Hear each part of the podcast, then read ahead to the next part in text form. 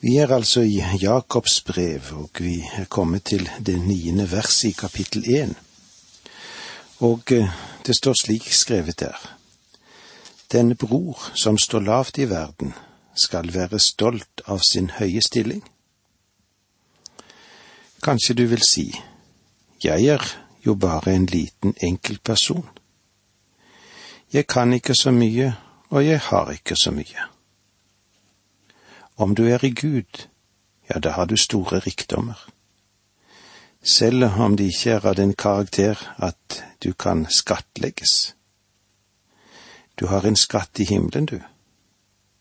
Og har du noensinne stoppet og tenkt på hva du har her nede? Har du tenkt på hva du har i Kristus? Vi har alt i ham. Paulus skrev det på denne måten i første Korinterbrev 3, versene 21 til 23. Derfor må ingen rose seg av å være tilhenger av noe menneske.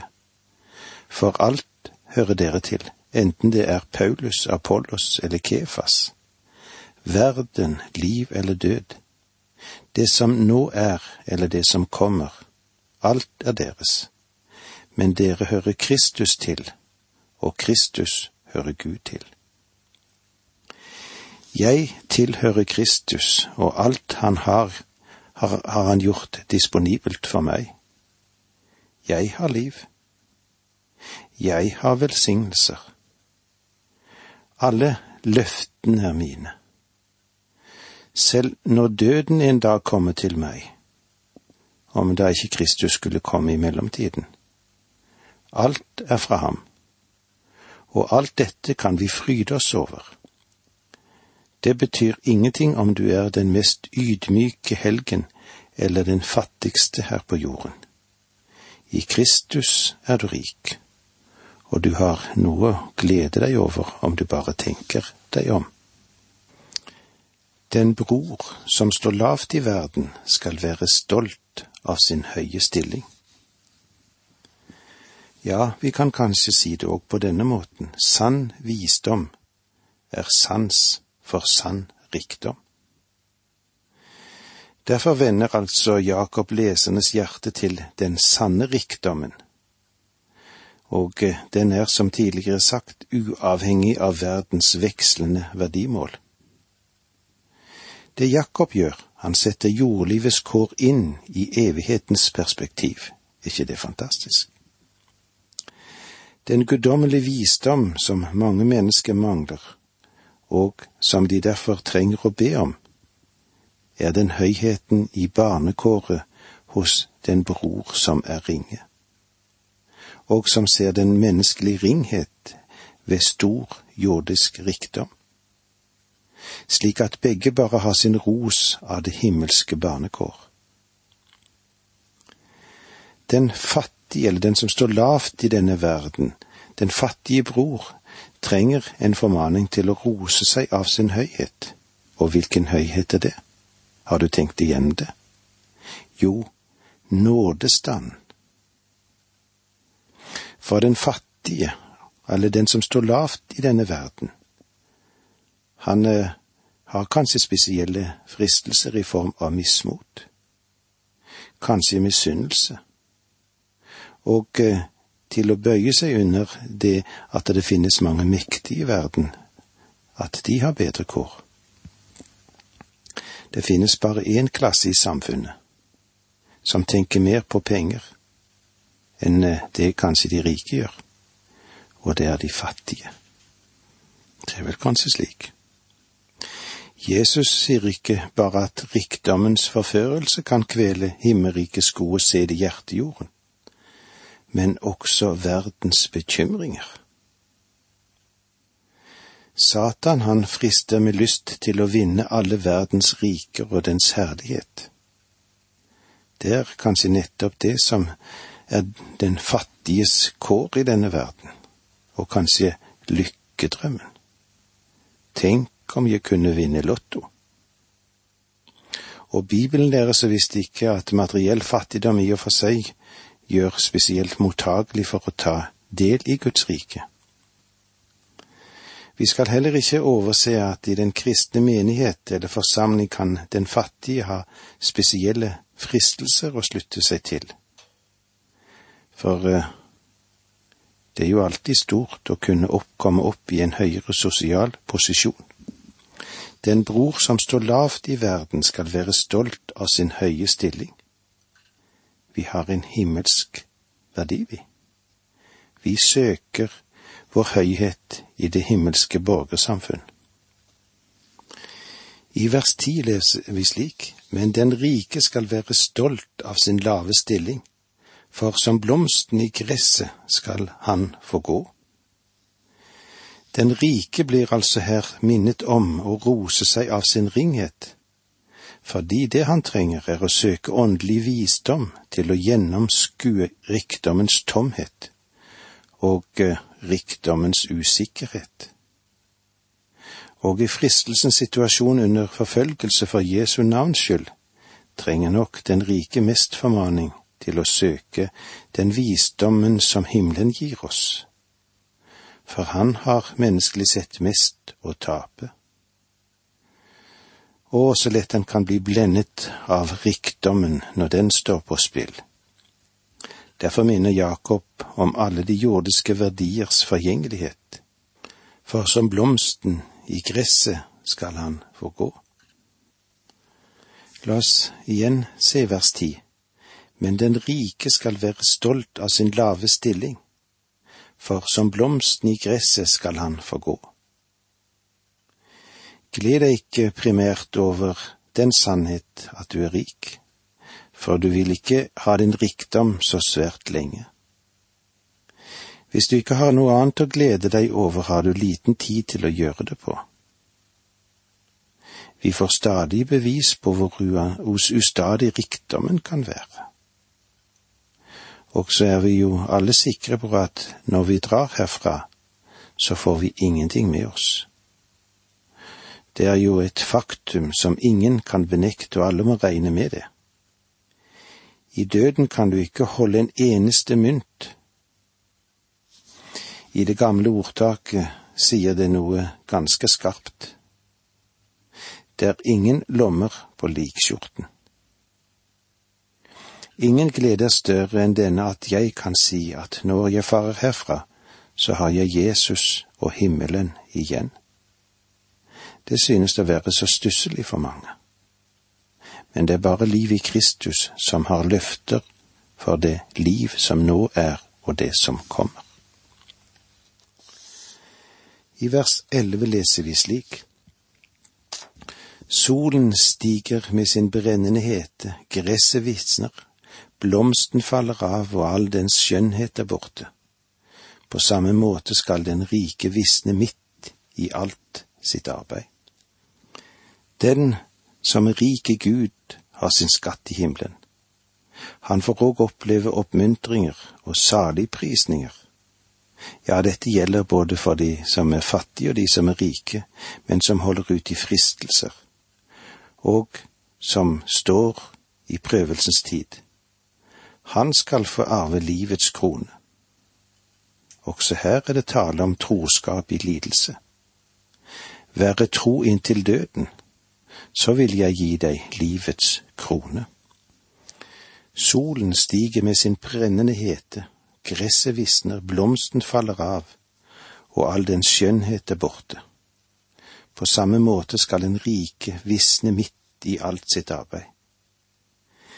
Gled deg i dag over at du har en frelse som ikke bare vil berge deg hjem til himmelen en dag, og det er jo stort å se frem til, men han vil også hjelpe hjelpe oss i denne dagen. Gud prøver alle sine barn for å se om de er ekte, for å røske oss løs fra alt det som binder oss ensidig til jorden. Han vil også gi sine barn visshet. Vi bør ikke se på våre prøvelser og fristelser som et vitnesbyrd om at vi ikke er hans barn, men heller som et bevis på vår tro. Troen vil konstant være i konflikt med det som er av denne verden. Det har du sikkert fått oppleve, og det har jeg òg fått oppleve mange ganger. Det Jakob er etter her, er at vi skal lære utholdenhet. Gud vil ikke bare gi oss bevis på at vi er hans ektefødte barn, men han vil òg gjerne hjelpe oss til å holde ut og ha tålmodighet mens vi vandrer her på jord. Det var det vi fikk med oss i dag. Takk for nå må Gud være med deg. Dette undervisningsprogrammet består av to deler. Åge Nevland fortsetter nå med andre del av dagens undervisning. Vi er i Jakobs brev i det første kapitlet der, og vi ser hvordan det er at Gud, han lønner, han frister ikke. Det er en mektige Gud vi har. Eller som det òg står i vers elleve i det første kapitlet. Solen stiger med sin brennende hete, gresset visner, blomsten faller av, og all dens skjønnhet er borte. På samme måte skal den rike visne midt i all sitt arbeid. Gud prøver alle sine barn for å se om de er riktige, og eh, mye er blitt skrevet om at Gud prøver, og mange har skrevet om Guds hensikt med dette. Det William Penn, mannen som den amerikanske staten Pennsylvania har gitt navnet til, han uttalte seg slik en gang. Ingen smerte, ingen salve, ingen tårne, ingen trone, ingen galde, ingen herlighet, ingen kors, ingen krone.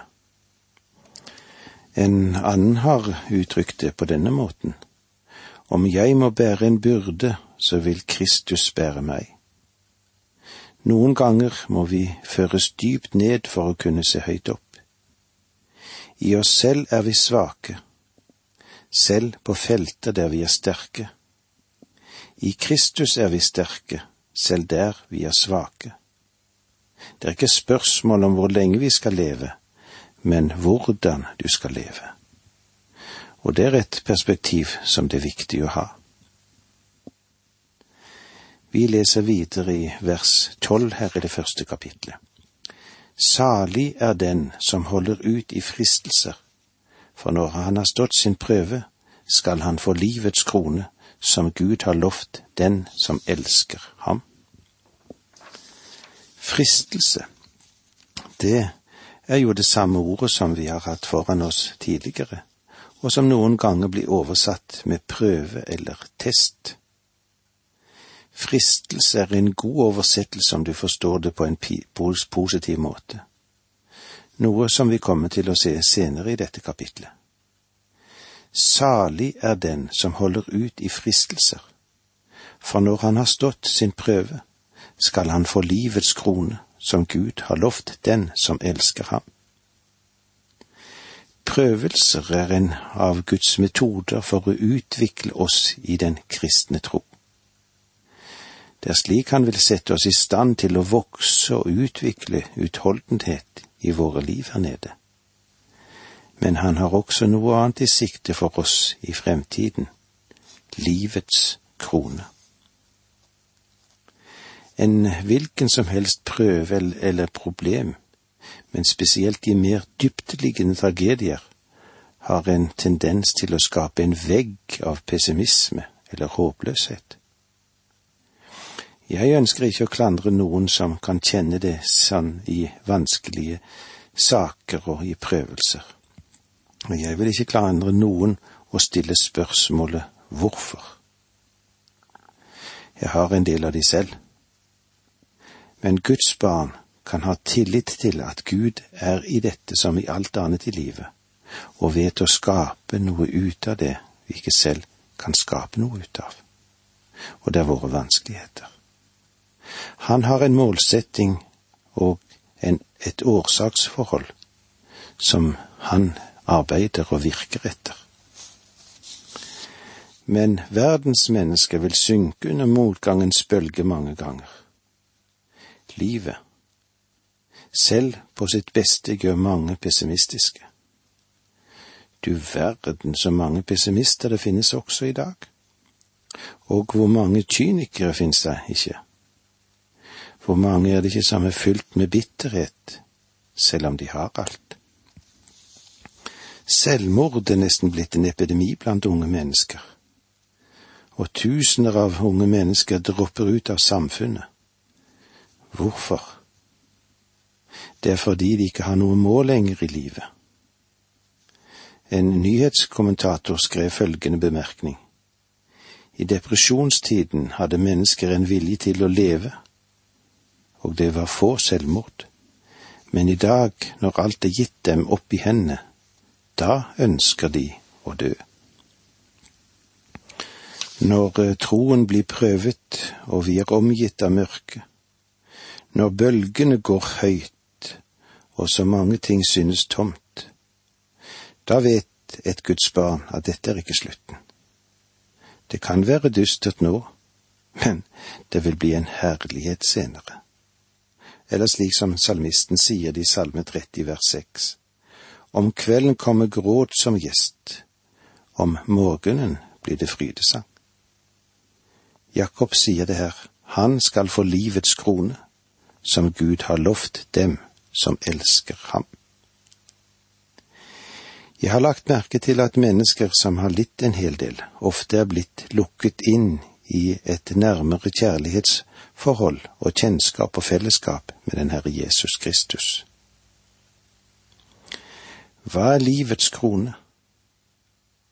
Det er mange kroner nevnt i Skriften som gis som lønn til en troende. En krone er ikke frelse, men representerer en belønning. Det gis til enkeltmennesket som en gunst. Den Herre Jesus har en lønn for dem som vil holde ut her nede. Jakob, han sier det slik, han skal få livets krone, som Gud har lovet dem som elsker ham. Prøvelser vil enten drive deg til Herren eller drive deg bort fra ham. Det finnes mange bitre kristne. Det vil ikke bli noen hyggelig opplevelse en dag å komme for Kristi åsyn og at vi der har kanskje gjort det slik at vår himmelske Far, det han ønsket å hjelpe oss med å utvikle vår karakter, og han ønsket å bringe oss inn i et tettere og nærmere fellesskap med den Herre Jesus. Og så har dette gjort deg bitter. Ingen av oss unngår prøvelser, men det skal også være en livets krone for dem som holder ut under slike prøvelser. Ja, la meg gi deg min enkle tolkning hva jeg tror at livets krone er.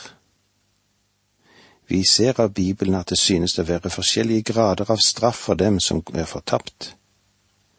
Noen vil få mange slag, andre vil få færre slag. Dette er grader av straff for dem som er fortapt.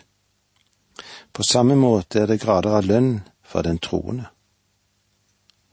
Jeg venter ikke å få en lønn som Paulus, eller som Hans Nilsen Hauge, eller andre av den karakteren, eller hva de måtte få, men jeg håper at det vil være noe i beredskap også for meg. Jeg er interessert i det. Jeg tror at en livets krone er det som fører oss inn i et nærmere fellesskap med Jesus mer enn noe annet kunne. I åpenbaringsboken tales det om at Herren gir hver av sine egne en sten med et navn skrevet på dem. Det kan vi si i åpenbaringsboken 2.17. Den som har ører, hør hva Ånden sier til menighetene. Den som seirer, ham vil jeg gi av den skjulte manna. Jeg vil gi ham en hvit sten med et nytt navn risset inn, et navn som ingen kjenner uten han som får den. Vi har forutsatt at det betyr at han vil gi hver av oss et nytt navn. Vel, det er ikke et nytt navn i betydning av et annet navn, men det betyr at Gud gir hver og en av oss en sten der vårt eget navn er skrevet sammen med et Kristi navn som står i forhold til vår erfaring med ham. For deg betyr, betyr han noe spesielt som kanskje er litt annerledes enn hva han er for meg, eller for noen andre. Med andre ord betyr den Herre Jesus noe for deg som kanskje ikke er spesielt viktig for noen andre, men det betyr mye for deg, og det betyr mye for meg. Og han betyr noe for meg som han kanskje ikke betyr for deg. Og min konklusjon på dette med livets krone betyr at du vil ha én, skal vi si, grad av liv i himmelen som en annen ikke vil ha. Det er mange mennesker som har gått gjennom denne verden uten å bry seg så mye om å gjøre noe for Gud.